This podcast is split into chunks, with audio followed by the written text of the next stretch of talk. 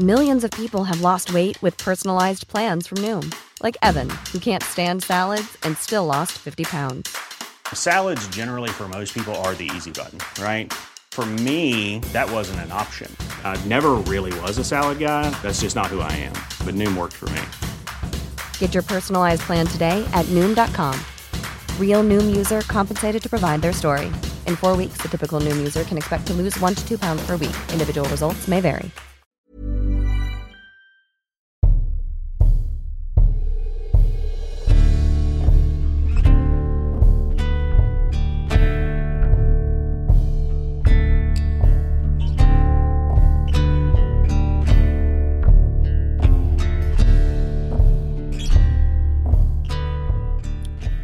Velkommen til en ny episode av Nordnorsk historie. Du hører kanskje at det, er litt klimpring i bakgrunnen. Jeg har altså fått meg en egen kjenningsmelodi, og det er han Håvard Hardhaus som står for komponeringa.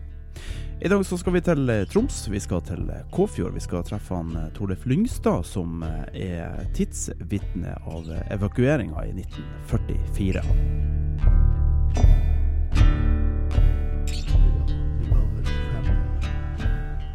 i den andre enden, så det, ble, det var bare dør imellom. Så det ble mye sånn. Ja. Var dere mange unger som var, bodde der da? Vi var, Det var jeg også en yngre bror og en eldre bror og så en søster. Ok. Vi var fire. Ja. Hvilket årstall er du født i? Jeg er født i 38. Jeg er 38, så da opplevde du nedbrenninga her?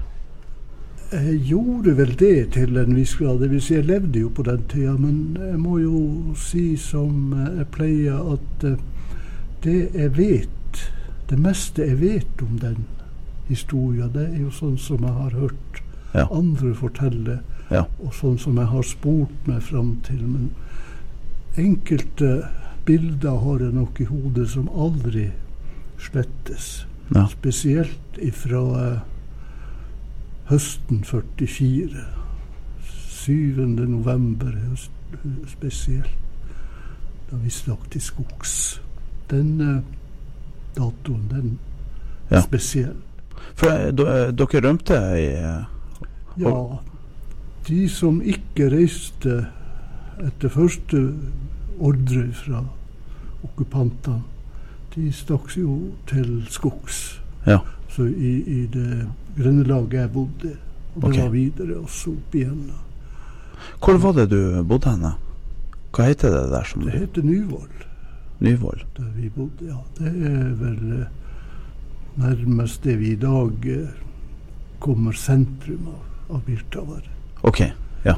Så bodde det jo folk videre oppover. Holmen, Kåfjorddalen, Skatvoll. Ja. Og også der var det jo folk som eh, stakk til skogs, bygde seg gamma. Mens eh, veldig mange valgte å flykte til Sverige. Når de kom så langt at de så at det her er ikke bare en, en kortvarig, et kortvarig besøk av tyskere. Nei. Det var jo det som var nærmest en form for propaganda fra myndighetene at nå kommer engelskmennene snart og befrir oss. Hold bare ut. Å ja, ok. Ja. Det, det stolte de jo på. Det er klart, det er jo det med oppholdsdrifta. Den Ja. er jo sterk i håpet. Og når kom engelskmenn? de kom jo til Øst-Finnmarka da. Men eh, ellers så ble det jo ikke før krigen var over. Nei. Og vi måtte måtte bare avfinne oss med at tyskerne var og henta oss. Vi bodde i fem uker, tror jeg det var, i Torgam. I en gammel koloni. Ok, ja. Hvor, hvor den var henne, den? Den var i skogen oppfor bygda. Ok, Eh, Fjellfoten, altså Fjellfoten, det er jo der da Brattfjellet stiger. Eh, like ved skoggrensa der ble det bygd gamma, men det var gamma spredd over hele bygda, kan vi si. Dvs. det vil si skogen på ja. begge sider. Så var, var det lett for tyskerne å finne dere, eller? Nei, det var ikke noe problem. De visste at det var folk i skogen. Ja. rundt omkring.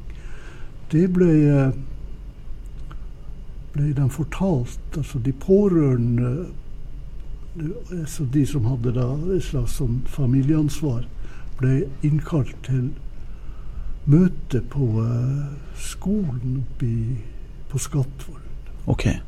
for å forklare seg om forskjellige ting som tyskerne ville vite. Ja. Hva tid er vi nå? Hvor, hvor er vi cirka sånn et tidspunkt? Det er vel omkring 15. 15. desember. OK. Så da har dere bodd eh, en, en drøy, drøy måned i Ja, vi hadde bodd en fem-seks uker i skogen. Ja. Og så ble det jo foretatt jeg holdt på å si vareopptelling. Altså familiefedrene, eller de som hadde ansvaret, de fortalte om familie, hvem var hvem osv. Ble okay. tatt opp. Ja. For det skulle være ordentlig. Tyskerne hadde jo en veldig sånn mani. Og Ja. der eh, fortalte vakten Det gikk jo soldater på vakt, og mange snakka jo norsk. Og kom i kontakt med de her, de her kan si, foreldre, fedrene. Og de fikk da uh, fortalt at vi visste at det var folk i skogen. Mm. Men uh, nærmest sånn at De sa det ikke direkte, men de var ikke dristige i å gå i skogen. De visste ikke hva som fant, befant seg der. Våpen og sånn. Ja, de var redd? Ja. Og det var jo nokså vanlig med, med tyskere. Også eh, naturen, kan vi si. De var ikke vant til det. De var ikke Nei. særlig høye i hatten. Nei.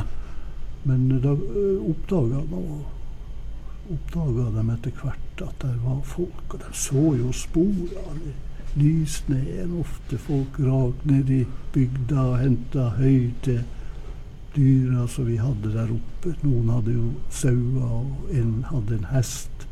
Oh, ja. Den fulgte med til Hedmarken, der vi ble evakuert. Å ja, ser du det? Ja, og derfra tilbake. Ja. Der nede ble den døpt i Tømmerskogen. Han, kalt, han ble kalt for Stormen. OK. Det var en, en liten uh, lyngshest eller Ja. fjording, jeg husker ikke. Nei. Og den kom tilbake og, og levde sine år i, i god stand. Ja. Nei, da vi kom ned, da, så uh,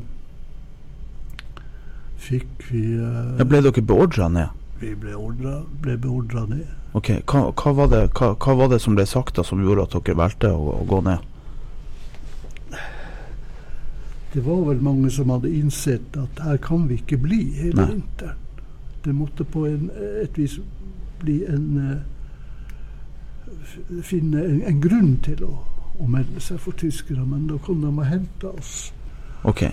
Og i den gammen som min bror og min onkel hadde bygd Far min var jo ikke der, han var på Svalbard i, i Svalbard-garnisonen på den tida.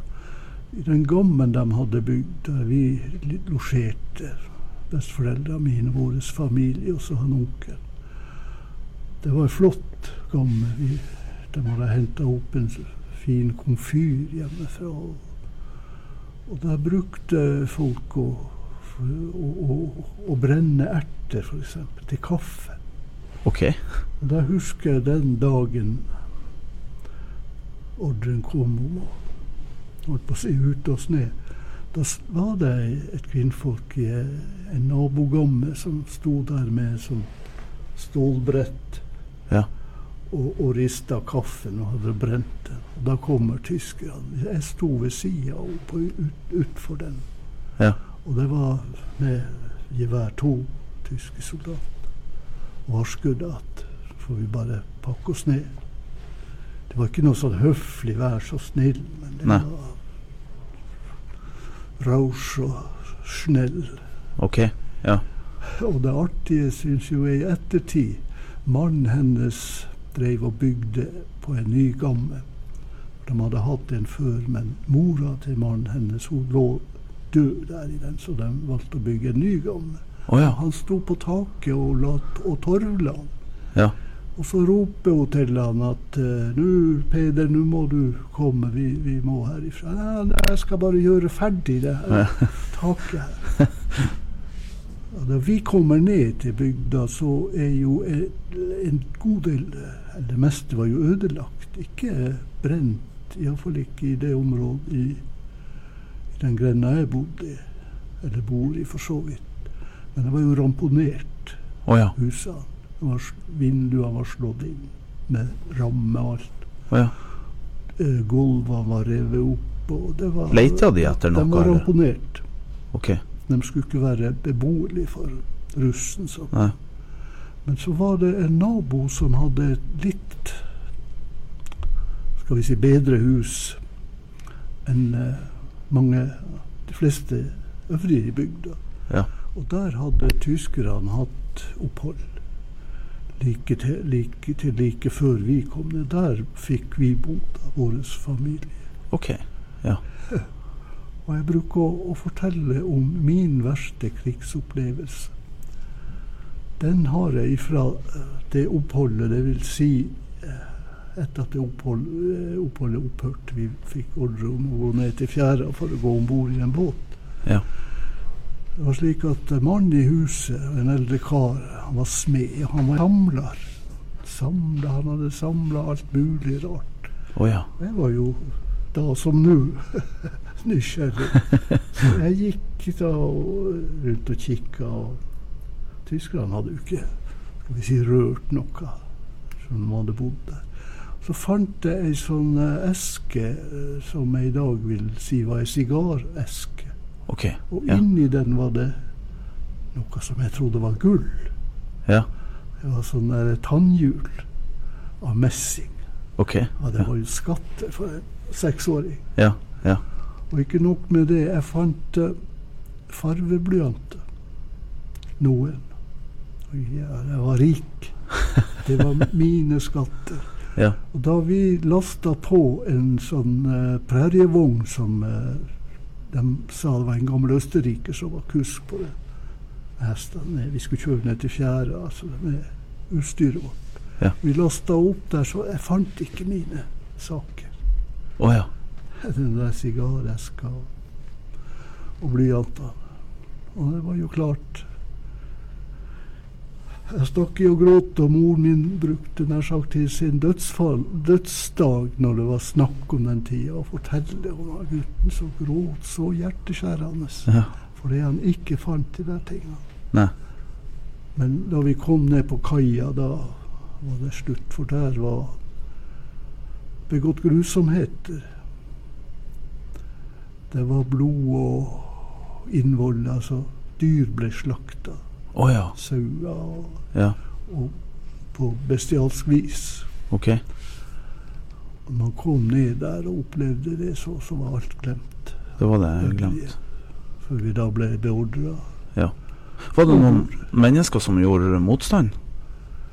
Uh, ikke blant oss som den gangen reiste med dampskipet Ullensvang. Vi var 202 personer som gikk om bord, Og en hest? og en hest. Ja. Men eh, det, det var ikke noen som gjorde motstand. Men det hadde jo vært det før. Det var jo gått uh, skøyter med folk derifra. Noen hadde stukket av det fra de skøytene. Mange av de her gamlebordene, særlig ungdommer, som streifa ned i bygda. Særlig om natta, da. Ja. Og ble huka. Ble tatt ned der. Og holdt en slags arrest. De stakk jo av. men motstand i, ordets betydning var det vel ikke noen som, som gjorde. Men vi hadde jo de her eh, hjelpere, altså vi kan si grenseloser. Ja. Det var jo en, en form for motstand. Det var jo en, noen, særlig oppe i Kåfjorddalen, som utmerka seg som, som loser. Førte mye folk. og på slutten da av krigen så var det vel eh, omkring 90 mennesker samtidig som gikk over grensa, dvs. Si over finskekilen, Ja. inn i Sverige. Akkurat. De hadde tenkt først å ja, bli noen dager eh, i en nedlagt gruve. på, på Skaidi, som det het. Det fjellstykket mellom Kåfjorddalen og Reisadalen. Det var jo ikke forhold. Det var jo gruven som var nedlagt i 1919 og ja. full av vann og fukt og kaldt var det. Ja. Og da eh, en grenselos kom og forbi der Han skulle hente kona si, han hadde vært og ordna med reinskyss Ja. for dem, da, familien, ved det store vannet der som heter Somajavri. Bak Halti. Oppdaga de her menneskene. og Han anbefalte jo de fleste til å snu og gå ned. OK. Og eh, han hadde fortalt dem skal til Sverige, og da var det jo flere som ville være med. Ja. Det var vel ikke mange så Et ektepar, et eldre ektepar, de snudde og gikk ned. Okay. Så da, da for de. Han tok dem nå med til slutt. Ingen var jo forberedt på en sånn tur. Verken hensyn til mat eller klær. og- Hva som møtte det ekteparet når de kom ned hit igjen? Nei, det var jo bare Tyskerne tok, tok seg vel av dem og, Ja. og, og fikk dem av gårde. Jeg tror ikke det var noe brutalitet eller noe sånt. Nei. Det forekom vel under eh, de her eh, beskjedene de gikk rundt med. Og det var jo frontsoldater, de som gikk der oppe, særlig oppe i Kåfjorddalen, og, og jaga folk ut. Ok. Nølte du eller var sein, så var det jo kjefting og trusler om både det ene og det andre. Ja. Det var jo en familie som eh, Ja, jeg tror de nekta. Mora hadde Hun var da alene med jeg tror det var åtte-ni unger fra la oss si 20 år og ned til seks, fem-seks. Ja. Faren deres han hadde flykta til Sverige i 43, året før. Jeg tror det var i 43. Og da tok eh, de her eh, soldatene familien ut. Stilte dem opp ved en vegg, husvegg, tror jeg det var. For nå skulle de skytes hvis de ikke kom seg av gårde. Ja. Hun var halstarrig og tøff, Hun, Ja. Men nå- dere må skyte, begynne med de yngste. Skyte først de yngste. Sa hun det? Ja. Oh, ja. De var forberedt på at det her skjer. For de hadde vel hørt litt av hvert, og det er jo fortalt i ettertid. Mange osa jo av brennevin de hadde drukket. Og Mm. litt sånne rå typer som kom fra fronten i Finland. Ja. Men det gikk nå bra, for det kom folk til. og Det var annet en som bodde der oppe i, Om han bodde i samme hus eller han bodde i nabogården, det husker jeg ikke. Han var, familien var fra Djupvik. De gikk inn da og, og megla. Ja. Og de fikk da fred der. Og, men det ble satt ut en vakt, og han var østerriker. Okay. Veldig humant menneske, sa der man smågråt jo der over deres skjebne og Ja. over sin egen skjebne.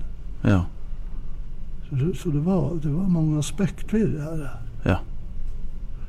Men du, eh, dere ble da henta med dampskip. Ja. Eh, hva- som var igjen i Kåfjord når dere for? ja, helt inne der i vår bygd var det én mann igjen. OK. Han eh, var en sånn Han var vel en gammel ungkar, omkring 60 år. Ja. Så han nekta å bli med de som eh, han eh, bodde sammen med i en gammel leir oppe under fjellet. Ja. Her i Olderdalen-området var det vel en fire-fem mennesker igjen som overvintra. Okay. Ellers så, hva som var igjen, det var vel ikke så mye jordisk gods. Nei. Vi hadde, kan vi si. Noe ble henta, f.eks. Bjørn. Richard Bjørn var jo eh, en eh, håndsmann. De hadde butikk. De hadde bl.a. Statens medlager. Og før de reiste, før evakueringsordren kom, så rakk de å kjøre ut melet oppover bygda plasserte dem i en to-tre sånne buer som Ja. som var da ved husene. Mange overnatta. Vi sov jo i de buene. Det var jo småhus. Ja. Og så hadde de fått eh, et lass med med fòrcellulose. OK. Og det ble tatt på land. Den ble evakuert sjøl til Stokmarknes. Og i 43 nei, i fire- fire og f- 45 var det vel på vinteren, hvis jeg ikke husker helt feil. Eller så var det seint på høsten. Det var vel seint på høsten i 44. 44. Da fikk de anledning til å komme inn og hente denne cellulosen ok. bunta med Ja. ei ishavsskute. De hadde flere Det var flere fra bygda som også hadde fått tillatelse til å, å, å eh, stikke innom hjemmet og hente det de eventuelt hadde. Men det var jo ikke så mye. Det var jo bare det å komme og se det, det var jo klart viktig. Ja. Dyra var jo henta. Ja. Den ble jo tatt uh, med en gang ordren om evakuering kom, og samla i et, et gjerde. Sauer og, og kyr, kalver. Det var jo i hovedsak det.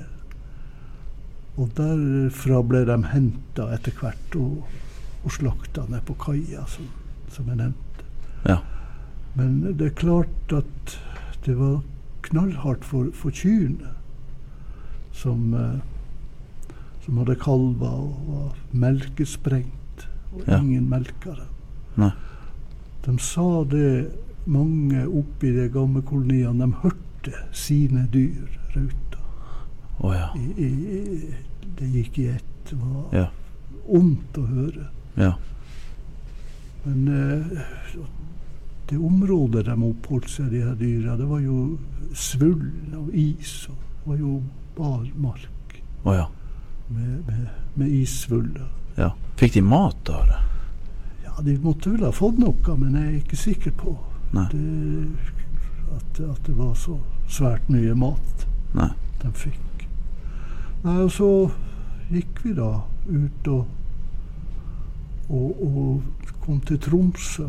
Det husker jeg ikke noe av. Vi var innom Lyngseid, Okay. en liten avstikker dit uh, med to uh, lik. Med to lik? Ja, det var okay. to som gamle som var døde i skogen. ene døde vel samme dagen, eller eh, ja, som vi ble henta ned. Oh, ja. En mann. Jeg husker ikke i farta, men han var godt over 80 år. Og så var det hun, mora til han som skulle gjøre ferdig tak. Ja. Det var ikke mulig å få dem begravd. Nei. Det var noen som hadde kjørt kista ned til, en av dem ned til kirkegården og, og, og botte den fast i gjerdestolpen der, men den fikk ordre om å, å hente, ta den med til, Ja. til Lyngseidet. Der ble den brakt på land til kirkegården og etterlatt. Så der fikk eh, kirkegårdsarbeideren, eller hvem det nå var, jobben med å begrave den. Den ble begravd i en fellesgrav. Akkurat. Så i Tromsø var det jo liv, naturligvis. Det husker jeg absolutt ingenting. Nei. Man var vel utslitt. Ja. Men eh, det var jo bespisning, avlusing osv. Så sånn. Sjekking. Evakueringskontoret der registrerte jo alle. Og, Var det nordmenn som gjorde det, eller? ja. Ja. Og da må jeg få skyte inn at det heter Mange sier det ut, kanskje å, å tenke noe videre på det, at det gode været den høsten var årsaka til at så få døde underveis under evakueringa. Ja. Men jeg vil si at i like stor grad, kanskje i større grad, var det fortjenesten til evakueringsmyndighetene med evakueringssjef uh, Hansen i Tromsø i spissen. Okay. De overtok all administrasjon av evakuering. Ja. Tyskerne hadde ikke noe mer de skulle sagt. Okay. Så det gikk, det gikk veldig bra. Og der har eh, mener jeg vi i Nord-Troms og Finnmark forsømte oss. Fordi at vi ikke har hedra evakueringssjef Ragnar Andreas Hansen på noe vis. Ja. Han døde vel i 71. Han var egentlig hotelleier, hotellvert på Grand i Tromsø. Men eh, tok på seg oppgaven som evakueringssjef. Han hadde jo en god del folk under seg.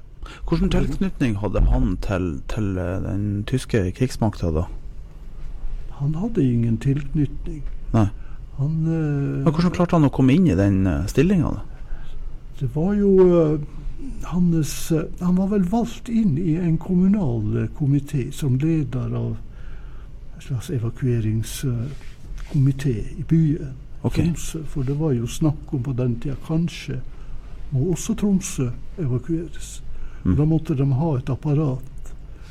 Og sånn kom nå han inn i der. Han ble jo nøda til å bli med, ta seg av det her. For alle kjente, som sagt i gåseøyne, alle kjente hans uh, organisatoriske evner. Ja. Og, og, og stand, sånn stand, standfast kar. Og uredd. Ja. Det eh, gikk jo For så vidt er jo den skrevet ned, den historien om da han møtte Jonas Lie på et møte. Det var i forbindelse med etableringa av evakueringskontor. Ja. Uh, han hadde nå plukka ut en del folk, og Jonas Lie påpeker at her er ikke en eneste nazist med. Politisjef Jonas Lie. Ja. Nei da, det er ikke det, for de, de er ikke brukbare til noen ting. Å ja. Ja, du har pinadø rett i det, sier han, Jonas Lie. Oh, ja, han det.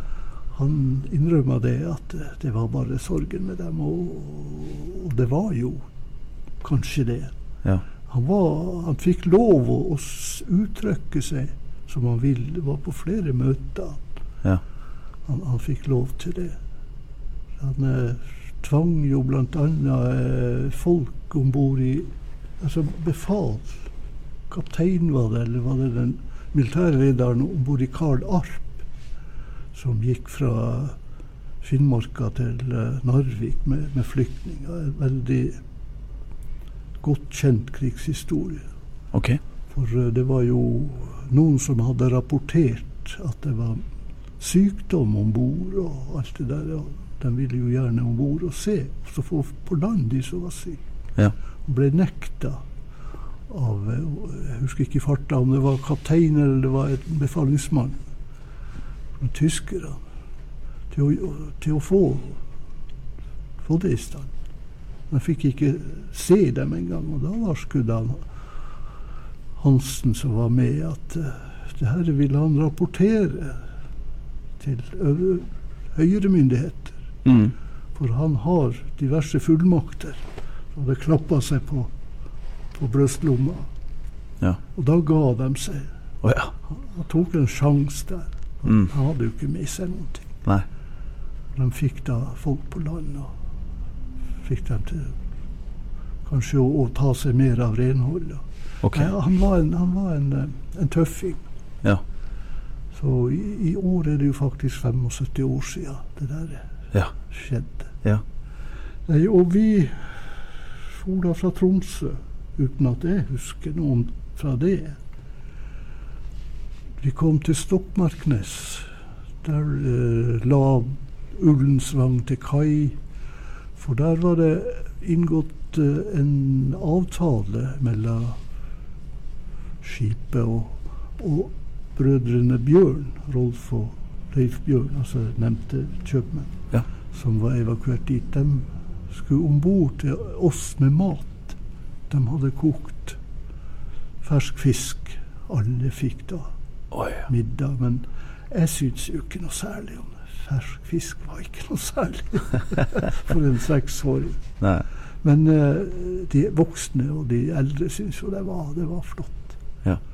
Og vi gjorde oss ferdig der. og Hva du spiste da? Nei, det husker jeg. nå. Jeg spiste jo selvfølgelig litt av den Ja. fisken. Det, det var nå ikke liksom så nøye. Man man hadde, vi hadde jo med oss mat. Vi kunne ta med oss det vi klarte. Mange hadde jo med seg tynne med kjøtt. Og, Wow. ja, så det var ikke mangel på mat. Nei. Og eh, som jeg brukte å si, jeg lei aldri noen nød under, under krigen. Nei. Og Av og til følte man seg litt uvel når man ikke visste noe om, om, om han far. Det så man jo på, på, på mor at det, det var ikke Ja, hvor han var henne? Han var på Svalbard. Ja, det var det du sa, ja. ja. ja. det Hva han gjorde, han gjorde der? Hva? Hva, hva, han gjorde for noe Han der? var i Svalbard garnison. De skulle jo ta seg av vakthold og forskjellige Var det sånn nøytralitetsvakt, eller? Ja, altså for å hindre at tyskerne kom opp og slo seg ned der og Ja. overtok. Uh, og det gjorde jo tyskerne. Tirpitz var jo oppe der. Det ble jo bombardement, og mange ble jo drept. Det var fly som var der og slapp bomber. To båter ble jo eh, bomba og, og skutt i, i brann. De sokk gikk ned ved iskanten. Ja. Og hvor mange som omkom da.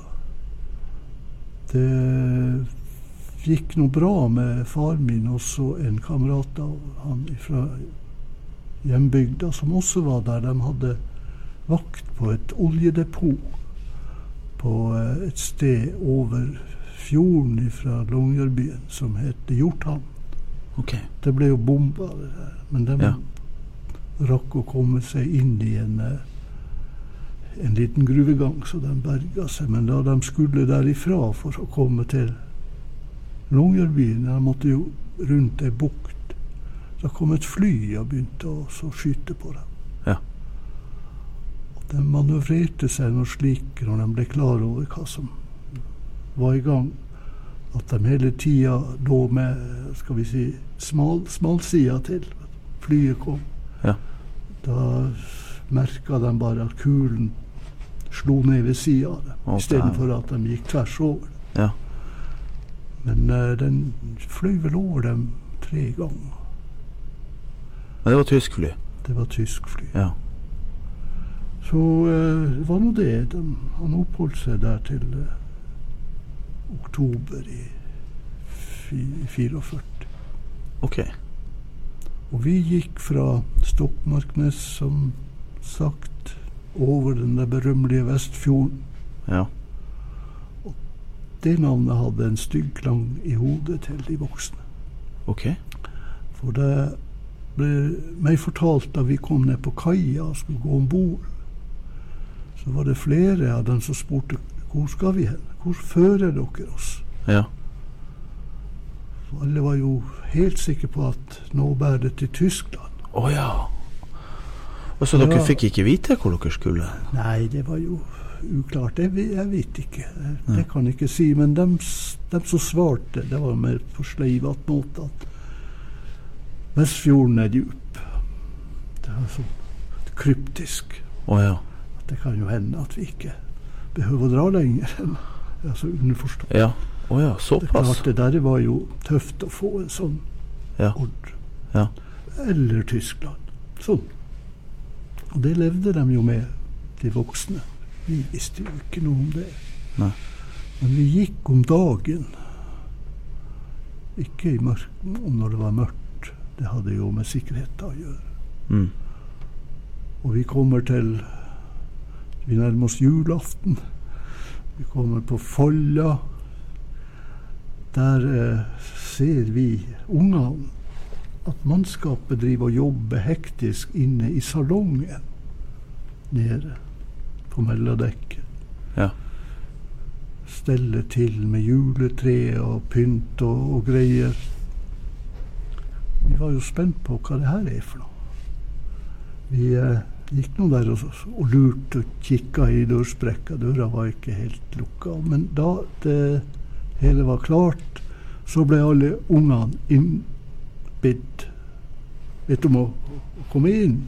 Ja. skulle lage julefest, julefest for oss. Ja. Ja, vi strømma jo til. Vi var jo en god del småkarer. Men da de voksne oppdaga hva som hadde skjedd. Da storma de på, høgde tak i hver sin unge og ut. Her skulle de ikke være med på noe avgudsdyrkelse. Avgudsdyrkelse? Ja, for juletre, det var en avgud i vårt strenge læstadianske samfunn. Å ja. Det var vel ikke mange som hadde juletre i, i bygda. Nei. Nesten ingen. Å ja. Og der sto de tafatt, tyskerne. De Ja. ville jo bare godt for oss ungene. Ja. Ordna til forskjellig. Nei da, her var ikke noe vei utenom. Oh, ja. Ja, da oppfatter man jo det, at det er juletreet av Gud også her. Ja, ja. Og vi kom til Trondheim. Overnatta vi der da en par netter i eh, Vår eh, Frues kirke, heter det vel. Før vi da eh, fikk eh, beskjed om å reise videre sørover med tog. ja. Husker du det? Ja da, det husker jeg. Jeg husker fra Trondheim. Det var jo veldig spennende det her. Ja. Vi var og kikka i gatedøra. Ut på gata. Ja. Veldig trafikk. Torde ikke å gå ut. Det var altfor mye trafikk og for mye bråk. Ja. Men det var spennende å, å, å stå der og, og kikke. Og biler og hester og Ja, biler og hester og soldater. Og det var jo sivile også. Ja. Liksom ikke sett så mye folk på en gang. Og man så liksom ikke noe til krig. Det, det eksisterte jo ikke da i, i mitt hode. Nei. Ja, så bare til jernbanestasjonen, og derfra ble kvinnfolka og ungene sendt med tog ned Gudbra nei, Østerdal. Okay, Ja. Første etappe var til Røros, der vi ble innkvartert i, i Bergstaden, i den gamle kirka i Bergstaden. Men uten mannfolk? Mannfolkene ble sendt ned Øst, eh, Gudbrandsdalen. Ok. Hvorfor det var sånn, det vet jeg ikke. Det har jeg ikke Nei. Jeg holdt på å si brydd meg om å finne ut. Han hadde vel sin grunn. Ja. Og på veien nedover Østerdalen så husker jeg at eh, vi fikk eh, eh, Vi fikk frukt og, og kaker og sånt ut inn gjennom vinduene. Toget stoppa på en stasjon. Fikk dere det hos folk? Folk. Ja. Det var jo helst kvinnfolk da som var Ja. og rakte inn ja. mat og, mat og ja, drikke. Jeg husker nå ikke.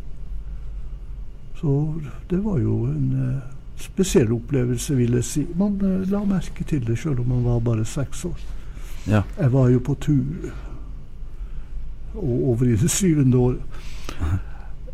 Vi kom da til eh, Hamar.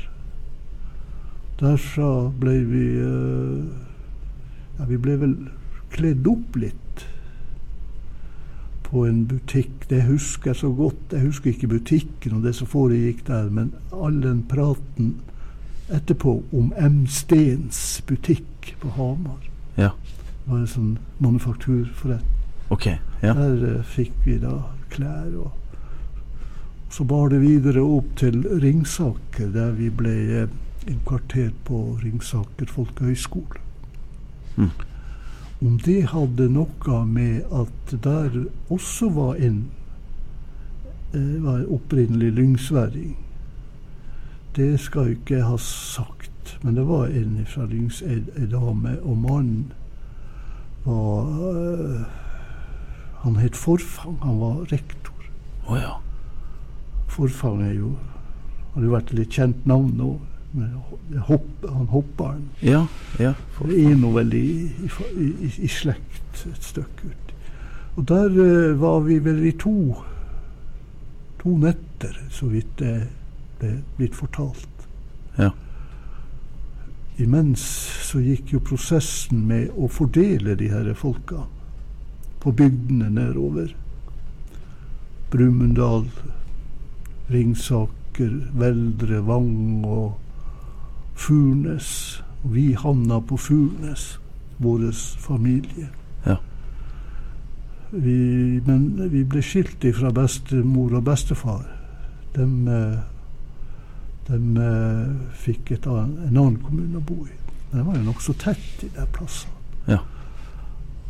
Og vi ble vel, tror jeg, sendt med, med tog ned til Nydalen stasjon, som er like ved Furnes uh, kirke, og, og, og ved den gården vi skulle bo på. Der ble vi henta av husbonden okay. med, Ja. med sånn ja, karjol-lignende sak med dombjelle med hesteskyss. Ja. Det var så artig å høre den der eh, klinginga. Og så kommer vi inn da, eller inn på tunet og inn på i gangen. Og så åpner fløy, fløydøra seg. Vi blir bedt om å komme inn. Kona til han Anstein Gjesnes, som han het, husverten, ønsker oss velkommen inn. Og der står et jævla juletre. Jeg ble, jeg ble jo en slags sjokktilstand for meg. Er det noe her også, det der? Jeg visste ikke hvor jeg skulle gjøre. Men jeg Nei. skulle se. Hva mor di sa da? Nei, hun sa jo ingenting. Nei. Han var jo, jeg sa jo naturligvis heller ikke noe. Nei. Nei, de var jo såpass klare at uh, her har de andre skikker. Nei, vi Ja. ble tatt veldig godt imot. Ja. Og det som da kobla meg bort fra juletreet og, og beveren der, det var et kjempesvær, kjempesvær bolle med, med epler. Å ja. Jeg har aldri spist epler før. Det lukta jo så fantastisk. ja.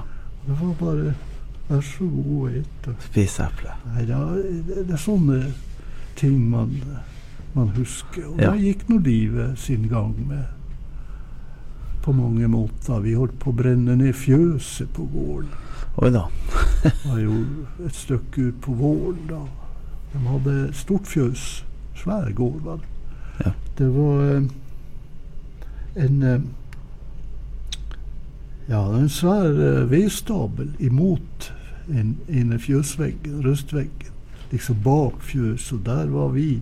Jeg og broren min, han var to år yngre enn meg. Og så sønnen til eh, sveiseren. Han sa det var sjef på fjø, i fjøset. Okay, Ja. Ja, hva si, vi jevnaldrende, og vi jobba og tulla noe i lag. Vi Ja. var der og hadde fått tak i fyrstikker. Det var jo klart at det måtte vi jo bruke. Og fyrte bål inn til fjøsveggen. Oi. Og mor mi fortalte at hun begynte å ane uro. Det var så stilt, hun så ikke guttene sine.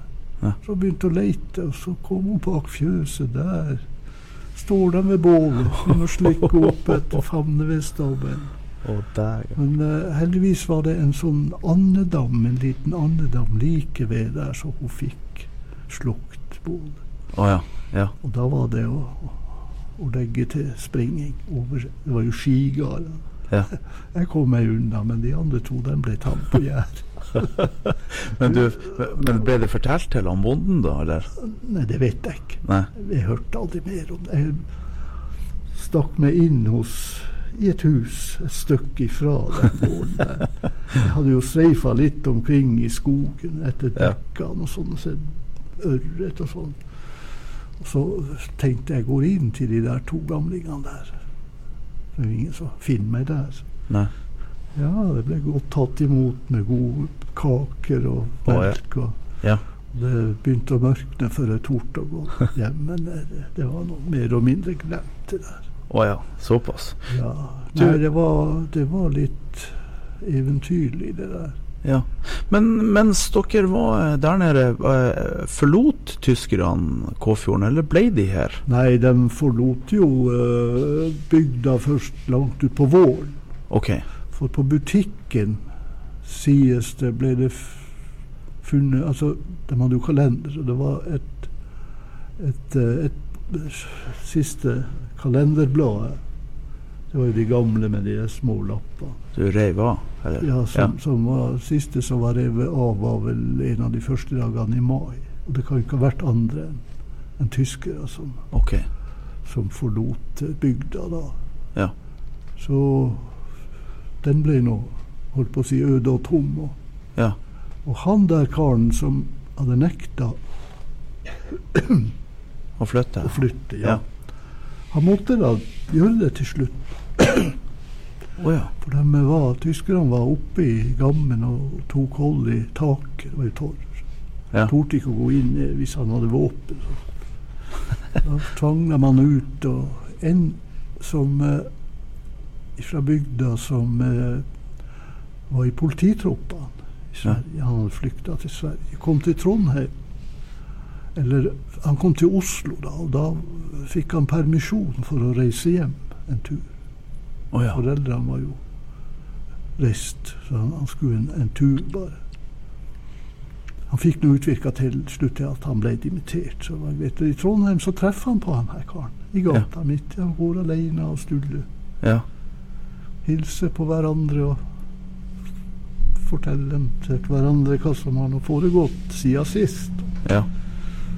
Og eh, han her uh, svensksoldaten spør han han gubben om hva han har tenkt seg på. Nei, han vet nå ikke. Han er nå havna her. Han vet nå ikke hva han skal gjøre. Men nå skal du bli med meg, sa han.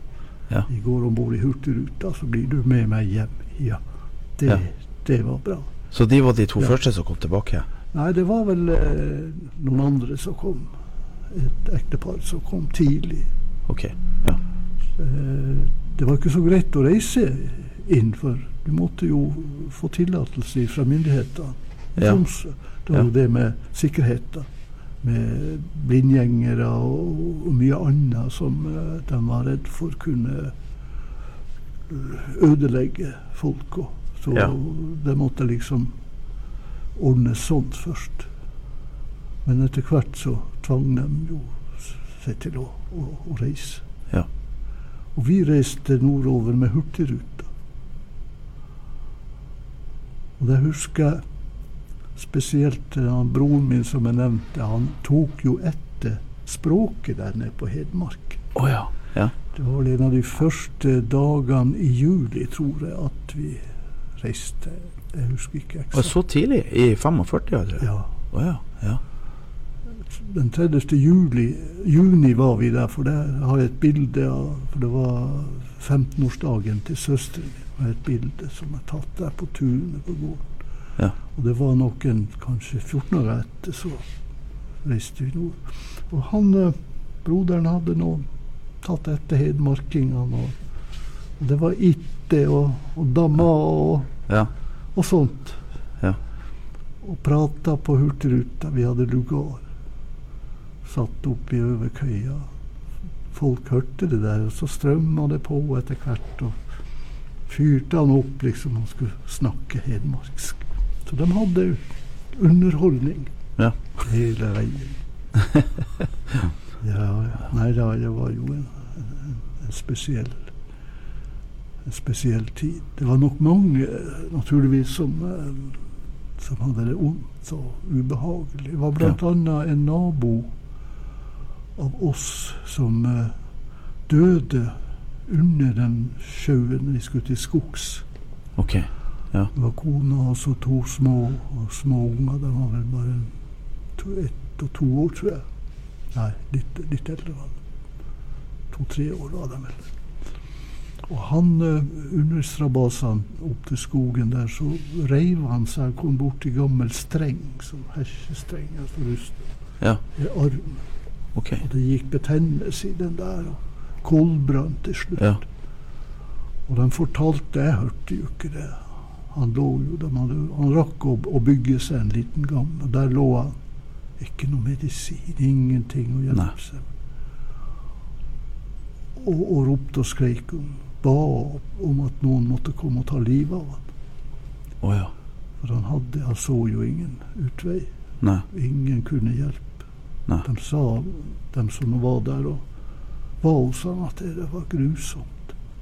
Men til slutt så fikk de han dratt ned til bygda, annet broren min og en fetter av oss. Tok seg av han der, fikk tak i tysk lege, men han kunne ikke gjøre noe, han heller. Han, hadde, han fikk loboid. Og hvor mye hjelper det mot koldbrann og sånt? Nei. Så han døde da der, og Ja. ganske raskt.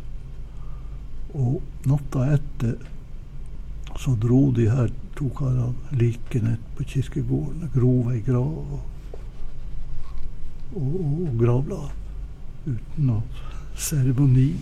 Ja. Det er klart for kona og særlig, for hun det nok eh, tøft der. Oppleve sånt. Men husker du hvordan det så ut når dere kom tilbake? Ja, jeg husker jo som det så ut akkurat der, det, der vi bodde, huset der. Ja. Det var jo eh, fantastisk flott, syns jeg. Den stien fra huset og til elva var jo en, en, en liten bekk, eller en litt større bekk, som rann forbi ca. 100 meter ifra. Ja. Jeg husker spesielt. For der brukte vi som før vi reiste der somrene, å fiske sånn smårøyer. Ja. Og, og jeg så jo alt det der for meg. Den stien så så ren og fin ut. Det var litt rart, det der. Ja. Og været var jo helt fantastisk. Men huset var jo ramponert. Men hvem som brydde seg om det som, som syvåring? Nei. At man hadde et sted å legge seg og, og fikk mat. Og. Men ja. det er klart, for eh, de voksne var det nok bekymringsfullt, det her. Vi skulle nok klare det. Og så var det nå til skogs for dem å hente komfyren ned, for det var jo viktig. Ja, så, så huset dere var, var ikke brent? Nei da, det var ramponert. Oh, ja, Akkurat i våres uh, grend var ikke noen ting brent. Ok. Bedehuset var revet ned nesten ned til grunnmuren. Materialet var ført bort. Ja. Eh, skolen lenger ut i fjorden var revet ned, og materialen var Det var sånn internat, noe så Ja. stort etter da, datidens for, og ført bort. Folkets hus hadde vi også. Ja. Det var revet ned, og materialet var ført bort. Men jeg fant noe tilbake. Men lenger oppe var det to, tre, fire, iallfall fire, om ikke fem, bolighus som var satt fyr på. Akkurat. Et av de, en av de brannene husker jeg fra like etter vi hadde fått ordre om at vi skulle møte på kaia. De voksne, det var da mor mi, bestefar og bestemor også, den eldre broren min og onkelen vår, og søsteren vår som var 14 år da. Den drøfta jo selvfølgelig hva skulle vi gjøre, skal vi reise? Og så kom det noen av naboer, nei, de hadde bestemt seg for de skulle til skogs. Og da bestemte de her familiene også at de skulle til skogs. Og vi Ja. to småkarene vi fikk bare beskjed om å holde oss unna. Ikke gå i veien. Her skulle pakkes Ja. på skogstur. Og vi ble sendt ut. Og der satt vi på trappa, husker jeg. Flott vær var det på ettermiddagen, måneskinn. Jeg tror det var måne, måneskinn, for det, av det følgende så må det jo ha vært det. Vi sitter der så og eh, dingler med beina. Så begynner broren min å, å nynne og synge og ser på månen, selvfølgelig. Har jo tekst til denne sangen. Måne, vil du lyse mer for oss? Det gjentok han og gjentok han, og mor mi hørte det der. Ja. Hun var på gråten Å ja. lille gutten eh, kan si, oppføre seg sånn, tenke sånn. Ja. Og like etter der så så- ja, begynner jeg å kjenne røyklukt. Og så hører vi også gråt og, og, tenners gnissel, nær sagt. Og en flokk med dyr og mennesker etter. Mye sånn tysk, tyske kommandorop. Så er det en gruppe med mennesker og dyr som er på tur fra dalen og skal om bord i en båt.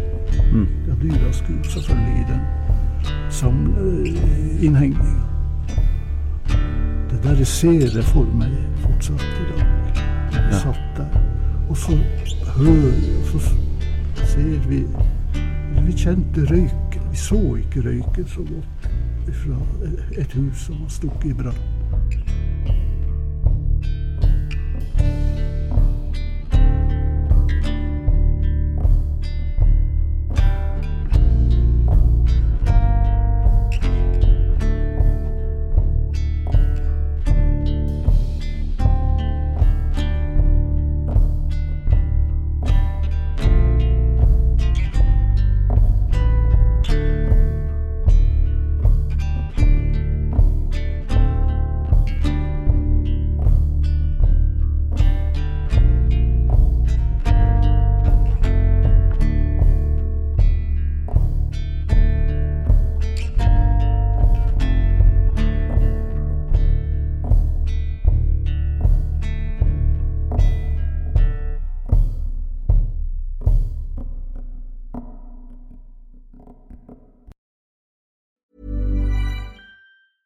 Planning for your next trip? Elevate your travel style with Quince. Quince has all the jet setting essentials you'll want for your next getaway, like European linen, premium luggage options, buttery soft Italian leather bags, and so much more. And is all priced at 50 to 80% less than similar brands. Plus, Quince only works with factories that use safe and ethical manufacturing practices. Pack your bags with high-quality essentials you'll be wearing for vacations to come with Quince. Go to quince.com slash pack for free shipping and 365-day returns.